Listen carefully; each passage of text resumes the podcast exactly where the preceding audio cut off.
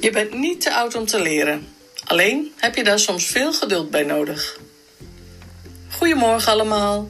Dankjewel dat je luistert naar de dagelijkse podcast van Atelier het Baken. Mijn naam is Tini Lubberink. Vandaag staat mijn dag gedeeltelijk in het teken van scholing. Bijscholing over beeldtaal en pastoraat.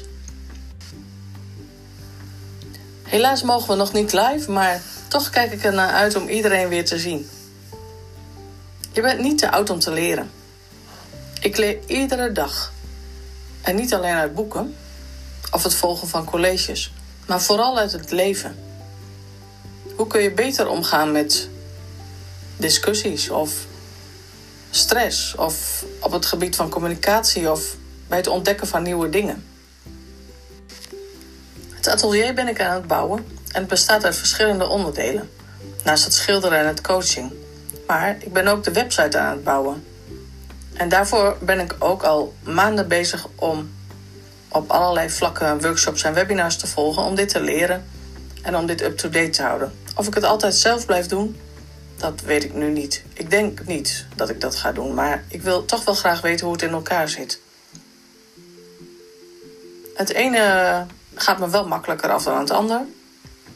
En uh, een workshop volgen uh, wat te maken heeft met bijvoorbeeld schilderen, dat gaat me makkelijker af dan wanneer ik iets moet onthouden wat niet direct mijn interesse heeft. Misschien herkennen jullie dat wel.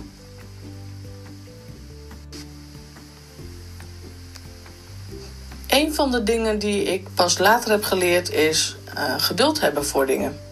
Geduld is een schone zaak. Mijn ouders of grootouders, of alle twee, die hadden volgens mij een uh, geborduurd gordijntje in de keuken hangen met deze tekst erop. En het klopt. Geduld, dat heb je nodig om te leren. Geduld. Geduld in het contact naar een ander. Geduld hebben als je in de rij staat bij de winkel. Geduld als je iets moet leren.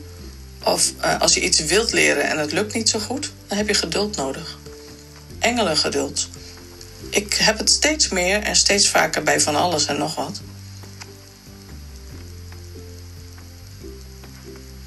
Maar hoe zit het bij jou? Waar heb jij engelengeduld voor en waar juist niet? Hoe leer jij om meer geduld te krijgen?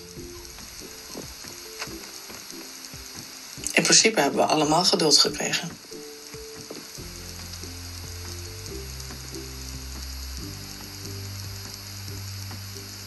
God zegen voor jou en je geliefden. Tot morgen.